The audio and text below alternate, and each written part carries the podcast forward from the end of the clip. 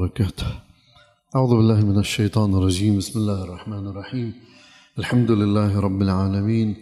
الصلاة والسلام على سيد الأنبياء والمرسلين وعلى آله الطيبين الطاهرين. اللهم صل على محمد. لا زلنا في سيرة الرسول صلى الله عليه وآله والحديث عن أزواجه. وقد تحدثنا عن زوجاته صلى الله عليه وآله ورددنا على بعض الإشكالات واليوم سنتحدث عن إشكاليات حول زواجه من زينب بن جحش ابنة عمته كيف يطلقها من ربيبه ويتزوجها عن عمر عائشة كيف تزوجها في سن التسع وعن زواجه آه، أو الإشكالية التي تحدثوا عنها بزواجه بصفية بنت حيي بن أخطب. التي قتل زوجها وأهلها ثم بنى بها. سنتحدث عن ذلك ولنرى هل هذا صحيح ما كتبه التاريخ ونسخه المؤرخون أو أنه كذب على رسول الله صلى الله عليه وآله. كنا قد رددنا بعض الإشكالات في الدرس الماضي أن الإنسان الشغوف بالنساء والمولع بحبهن آه، والميال إلى الجنس وما إلى ذلك لا يتزوج في سن صغير آه، ليس في بعد 53 سنة بعد عمر 53 سنة.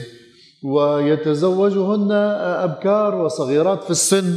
لا يتزوجهن كبيرات ويعني قد توفي أزواجهن وكبيرات في السن.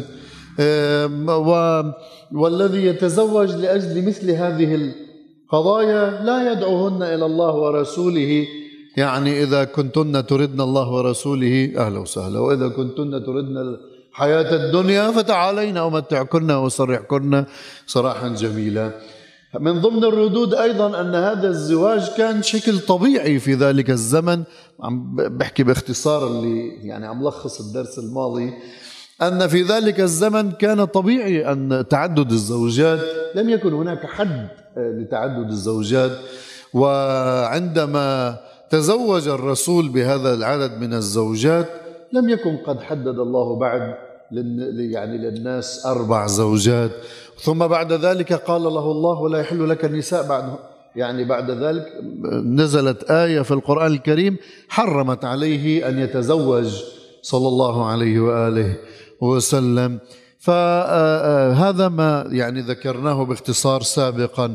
أما بالنسبة إلى الإشكالات التي يطرحونها على زواج النبي أنه رسول الله عمره 53 سنة 55 سنة إذا في السنة الثانية للهجرة تزوج بن عائشة بنت أبي بكر.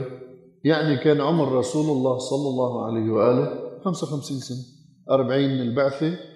13 سنة بمكة سنتين بعد الهجرة عمره 55 سنة. رجل عمره 55 سنة يتزوج بامرأة عمرها تسع سنين. وفي روايات أنه تزوجها في آه، عقد عليها في سن السابعة ودخل بها في التاسعة. في روايات أنه عقد في السادسة ودخل عليها في التاسعة. أنا ما راح أجيب ما جبت لكم الروايات كلها لأنه شيء يعني يعني شيء بيقرف يعني. فلذلك ما مش مستعد إني أعذب حالي وجيب الروايات وأفتح لكم صحيح البخاري وأفتح لكم ابن كثير وأفتح لكم الطبري وأفتح لكم طبقات ابن سعد وإلى آخره من ال...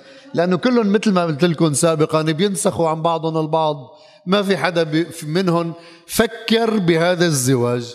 طيب في هاي الروايات موجودة. أنا لن أناقش في أسانيد الروايات مثل ما بيعملوا العلماء لأنه صرت لكم مرارا عندي موثوق الصدور وليست وثاقة الراوي. وقلت مرارا أن الكذاب الوضاع إنما كذب ووضع روايته بأسماء ثقات حتى تمشي ويأخذ فيها الناس. ما حط باسمه لأنه هو بيعرف إذا حط باسمه ما رح تمشي الرواية.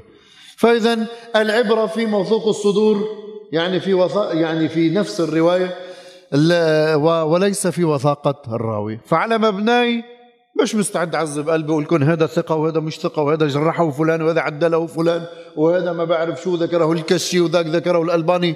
كلها حكاية عندي ما إلها قيمة. اللي له قيمة هاي الرواية. الروايات اللي مفادها تسع سنين دخل بها وعقد تسعة في عقد في عقد يحيى عقد تسع سنين عقد ست سنين أو عقد سبع سنين. طيب في عنا هاي الروايات. الآن بنجي لهي الروايات. هل يمكن أن يكون رسول الله ابن الخمسة وخمسين سنة فعل مثل هذه الفعلة؟ يعني آه، الكلام بكل بساطة لا. أول شيء رسول الله صلى الله عليه وآله مش من أخلاقه أنه ياخذ بنت طفلة ويتزوجها. هاي مش من أخلاق أي إنسان عنده أخلاق كريمة عنده رجولية من علية القوم آه، أنه يجي يعمل هيك يعني يعني حتى لو كان بجوز في ذلك الزمن. في إنسان يمتلك من الحكمة ومن الوقار ومن الاحترام ومن المكانة بين الناس. بيروح بيتزوج طفلة؟ هاي مخالفة للعقل. هاي واحد. اثنين بعض المؤرخين قالوا بأن أسماء بنت أبي بكر أكبر من أخت أنا ذاكر هالموضوع سابقا. أكبر من أختها عائشة بعشر, آه، بعشر سنين. كانت أسن من أختها بعشر سنين. مين؟ أسماء بنت أبي بكر. بعملية حسابية بسيطة. بيطلع عنا عمر عائشة عشرين سنة مش تسعة. طيب شو صار معهم هودي حتى ذكروا كل هذا. راح أقول شو صار معهم. بعملية بسيطة جدا. أسماء بنت أبي بكر يذكر المؤرخون أنها توفيت عن مئة سنة. كان عمرها مئة سنة وقت اللي ماتت. سنة 72 للهجرة. طيب ماتت سنة 72 للهجرة عن 100 سنة. يعني من هجرة الرسول لسنة 72 ماتت أسماء وعمرها 100 سنة. تعوا لنزيد ليصير عمرها 100 سنة لنشوف أيمتى ولدت. مش هيك 72 هجرة هاي 72 سنة. بنضيف عليهم 13 سنة اللي هني بعد بعثة النبي. قد إيه بيصيروا؟ 75 85 85 سنة. مش هيك؟ نرجع يعني وقت بعثة النبي كان عمرها أسماء 85 سنة. طيب هي عمر ماتت عن عمر 100 سنة. يعني بتكون أسماء ولدت ولدت قبل بعثة النبي بقديش؟ 15 سنة. بعد في 15 ليصيروا 100 15 قبل البعثة.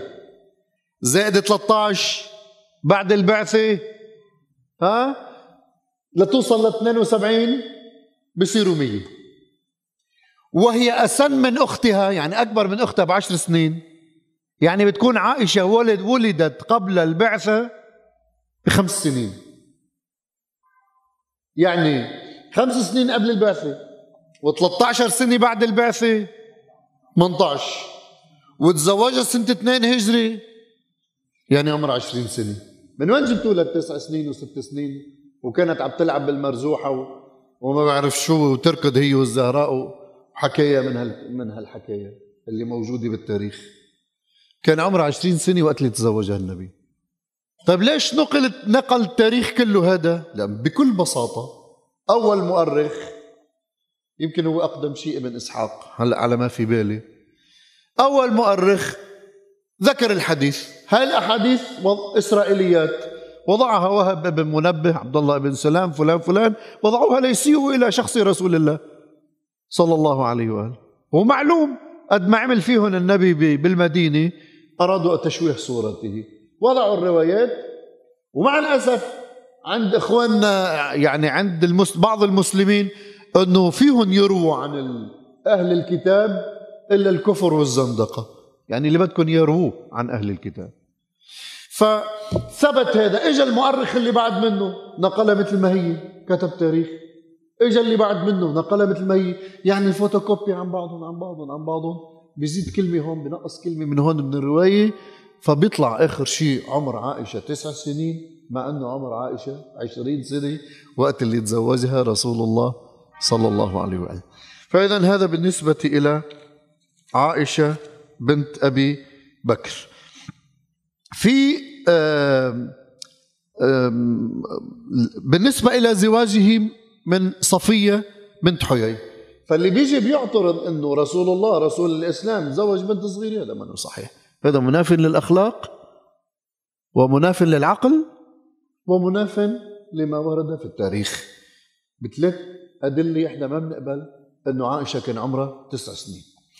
بالنسبة لأشكالية زواجه من صفية بنت حيي بن أخطب سيد يهود. طيب إجوا شو قالوا إنه صفية بنت حيي بن أخطب وقت اللي أجلاهم النبي عن المدينة راحوا قعدوا بخيبر. وطبعا قتل حيي بن أخطب. هي كانت زوجة ابن مشكم وهو العالم من اليهود. فالروايات شو؟ في رواية مثلا وردت في صحيح البخاري المجلد الخامس صفحة 246 حديث 681 كتاب المغازي. قال حدثنا إسماعيل قال حدثنا أخي عن سليمان عن يحيى عن حميد الطويل سمع أنس بن مالك أن النبي صلى الله عليه وآله أقام على صفية بنت حيي بطريق خيبر ثلاثة أيام حتى أعرس بها يعني تزوجها أعرس بها وكانت في من ضرب عليها الحجاب شفتوا هاي الرواية وين موجودة؟ صحيح البخاري في رواية أخرى عند عنه عندما قدم النبي صلى الله عليه وآله خيبر فلما فتح الله عليه الحصن ذكر له جمال صفية بنت حيي وقد قتل قتل زوجها وهي عروس فاصطفاها الرسول لنفسه فخرج بها حتى بلغا سد الروحاء فبنى بها. هاي الرواية بس تطلع بهيك روايات؟ وتقول أنت شو هالنبي؟ يعني اللي بيجي بيقرأ من برا خصوصا إذا ما كانش متعمق بالإسلام وشافها بأقدس الكتب مع الأسف عند المسلمين بيطلع بيقول شو هالنبي هذا؟ بيقتل الزوج وثلاث أيام بيروح بيتزوج له مرته؟ هذا نبي؟ هذا مش أخلاق نبي؟ ولا أخلاق إنسان عادي هذا أخلاق دكتاتور أخلاق ظالم أخلاق مش أخلاق أنبياء على الإطلاق. هذا إذا بدك تحكي عقلا دغري بتوقف. هذا شوف التاريخ قديش مزور. دغري بتوقف. طيب إحنا كيف بنرد هاي الروايات؟ نرجع بنقول إنه هاي روايات إسرائيليات اسمها. يعني وضعها هود العالم اللي حكينا عنهم لحتى ليشوهوا صورة رسول الله صلى الله عليه وآله لأنه أجلاهم عن المدينة بني قريظة وبني قينقاع وبني النضير أجلاهم عن المدينة فراحوا صاروا يحطوا تاريخ على كيف كيفهم بمعونة بني أمية. طيب أولا هذه الروايات طبعا أنا حطيت نموذجين من الروايات ولا في روايات كثير بهذا العالم. هذه الروايات أولا كذب ولا يمكن قبولها. شو الدليل على أنها كذب وإسرائيليات مخالفة لأخلاق رسول الله. إنك لعلى خلق عظيم. اللي عنده أخلاق ما بيعمل هيك. ما بيعمل هيك. إحنا عم نحكي الرسول. الرسول ما بيخالف الله صلى الله عليه وسلم. أني هن كذبوا على الله ورسوله. فإذا أخلاق الرسول صلى الله عليه وآله لا تسمح له ها؟ أنه يتصرف هيك تصرف. أخلاق أي إنسان حكيم لا تسمح له أن يفعل ذلك فكيف برسول الله؟ هاي واحد. اثنين مخالفته لعدة المرأة التي يتوفى عنها زوجها. إنه معقول رسول الله صلى الله عليه وآله اللي بيأمر بشيء بيفعله هو بخالفه؟ مستحيل. مستحيل. طيب الله بيقول والذين يتوفون منكم ويذرون أزواجا يتربصن بأنفسهن أربعة أشهر وعشرة. يعني عدة المتوفى عنها زوجها أربعة أشهر وعشرة أيام. وإذا كانت أما بناء على اللي بيقولوا أنه في إماء لأنه أنا بعتقد أنا رديت هذا الموضوع وراح أختصره هلأ. أنه النبي ما سبى حدا إذا بدكم تعطوها حكم الأمة السبية فالفقهاء بيقولوا نصف عدة الحرة. نصف عدة الحرة يعني المفروض شهرين. هذه هذه بأتعس الأقوال. وإن كان الحرة والأمة مثل بعضهم بالنسبة إلى عدة الوفاة. يعني مش مش شهرين وشوية. طيب بحسب الرواية النبي بنى بها بعد ثلاثة أيام. بنى بها يعني بنى بها يعني دخل بها يعني تزوجها. معقول هذا الحكي؟ بخالف القرآن رسول الله؟ حاشاه حاشاه ثالث يعني ثالثا. هاي اسمها وحشية وهاي الوحشية مستحيل أخلاق رسول الله أنه يرتكب مثلها تصور واحد إجا قتل زوجة وخيه وكان قتل بيها وغصبا عنها آه، آه، يعني مارس معها الجنس. هذا هذا هذه وحشية اسمها ما اسمها إنسانية. ورسول الله لا يتعاطى مع أزواجه بوحشية على الإطلاق. وهذا الإنسان اللي حرم على نفسه أكل حلال بمكيدة من بعض زوجاته عائشة وحفصة. أنه حطوا إيدهم هيك على منخارهم وقت اللي كان عند ماريا القبطية وما بعرف شو أكل إجوا حطوا إيدهم ما هذه الرائحة يا رسول الله؟ فحرم على نفسه يأكل من هاي الأكلة من أخلاقه. الله قام تدخل ونزل سورة التحريم. وقال له لأزواج يا لما تحرم ما أحل الله لك تبتغي مرضات أزواجك. لآخر السورة كلها حكي على نسوان النبي. هذا اللي أخلاقه هالشكل بروح بيعمل هيك؟ اللي حرم على نفسه أكلة. حلال. من شان ما تنزعج خاطر نسوانه. اللي عاملين عليه مكيدة بيروح بيعمل هذا الشيء؟ هاي وحشية مستحيل يعملها بعدين اللي بيقول خيركم خيركم لأهله. وأنا خيركم لأهلي. وهكذا كان صلى الله عليه وآله. هذا منافي لهذا الحديث. وحاشاه أن يقول شيئا ولا يطبقه صلى الله عليه وآله وسلم. رابعا ورد في الأحاديث كل ما خالف كتاب الله فهو زخرف وهذا منه. هذا مخالف لكتاب الله مخالف لأخلاق رسول الله مخالف للقرآن فهو زخرف. يعني مثل هاي الحديث لازم نزتها نرميها بالزبالة لازم نضرب بها عرض الجدار. خامسا تصفه الرواية الثانية أنه مثل الملوك. الملوك بس يغزوا منطقة أو مدينة بيصيروا يوصفوا لهم جمال هي وجمال هي وبنت الأميرة والما بعرف مين. فبيستخلص لنفسه من الجميلات. النبي مش مش ملك من هذه الملوك هو سيد الملوك. لكن يعني مصوريته الرواية كأنه شيء ملك وغزا منطقة وعم يطلع الجميلات حتى يستخلصها لنفسه. حاشاه صلى الله عليه وآله. وهذا مخ وهذا مخالف أصلا كيف بيسمع النبي. النبي حرم التشبيب. شو يعني التشبيب؟ التشبيب أن تذكر جمال المرأة المعروفة أمامه. يعني هلأ إذا مرتك بدها تيجي تقول لك والله مثلا مرت فلان صاحبك والله حلوة عيونها كذا لازم توقفها. ممنوع تحكي. ما بيجوز لها توصف حريم غيرك لإلك. حتى لو مرتك اللي عم توصف. حتى لو عيلتك زوجتك عم توصف لك جمال امرأة ممنوع. هذا اسمه تشبيب يعني ذكر محاسن وجمال المرأة. هذا محرم في الإسلام لأنه للمرأة سترها ومكانتها وخدرها. طيب بيجوا بيقولوا له والله يا رسول الله فلانة حلوة عيونها كذا بيضة شعرها طويل ما بعرف كيف. مش هيك؟ هذا اسمه تشبيب حرام. فكيف يأتي الحرام؟ صلى الله عليه وسلم. مستحيل. كان لو فرضنا بده حدا يحكي كان دغري وقفوا وسكتوا صلى الله عليه وآله.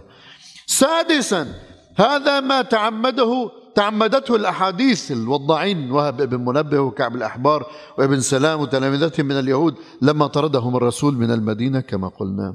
فإذا يستحيل لرسول الله أن يكون قد فعل ذلك على الإطلاق. الإشكالية الأخرى بالنسبة إلى زوجته جويرية بنت الحارث. من بني المصطلق. قولوا أن النبي غزا بني المصطلق رح نحكي عن الغزوات بعدين إن شاء الله. غزا بني المصطلق واستخلص لنفسه هم هاي جويرية بنت الحارث. طبعا بالنسبة إلى صفية هي أتت إلى المدينة. ونسوان اليهود ما سبى منهم أحد. هذه كله حكاية بلا طعمة ها؟ آه التحقوا بأهليهم بالشام اللي بقوا آه من اليهود من النساء. ومثل الوقت اللي أجلاهم كمان من المدينة راحوا ل لشي لحصون خيبر وشي راح على آه، بلاد الشام التحقوا بأهليهم اليهود. ولا هذه قصة السبي حكاية إسلامية بامتياز من المسلمين وليست من الإسلام. ونفس الشيء بالنسبة إلى جويرية بنت الحارث أنه النبي إجا تزوجها أخذها سبية أسيرة أخذها أمة تزوجها. ثم بعد ذلك شو؟ المسلمين معه كانوا 200 وحدة قال ماخذ حتى يثبتوا القضية. ماخذين 200 مرة فقاموا إكراما للنبي لأنه صار خال بني المصطلق فقاموا أعتقوهن له النسوة ببركة إنه ببركة جويرية هذا كمان مش صحيح. لأنه أولا هذا مخالف للتكريم للقرآن. الله بيقول إنا كرمنا بني آدم وحملناهم في البر والبحر وفضلناهم على كثير ممن خلقنا تفضيلا.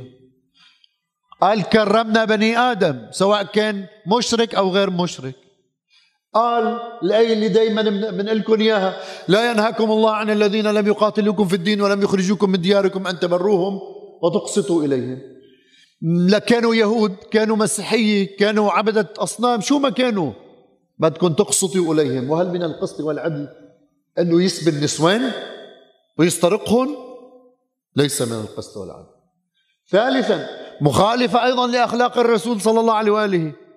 رابعا مخالفة إنا أرسلناك رحمة للعالمين. واحد الله بعثه رحمة للعالمين بيروح بيسترق وبيستعبد الناس. فكيف هاي؟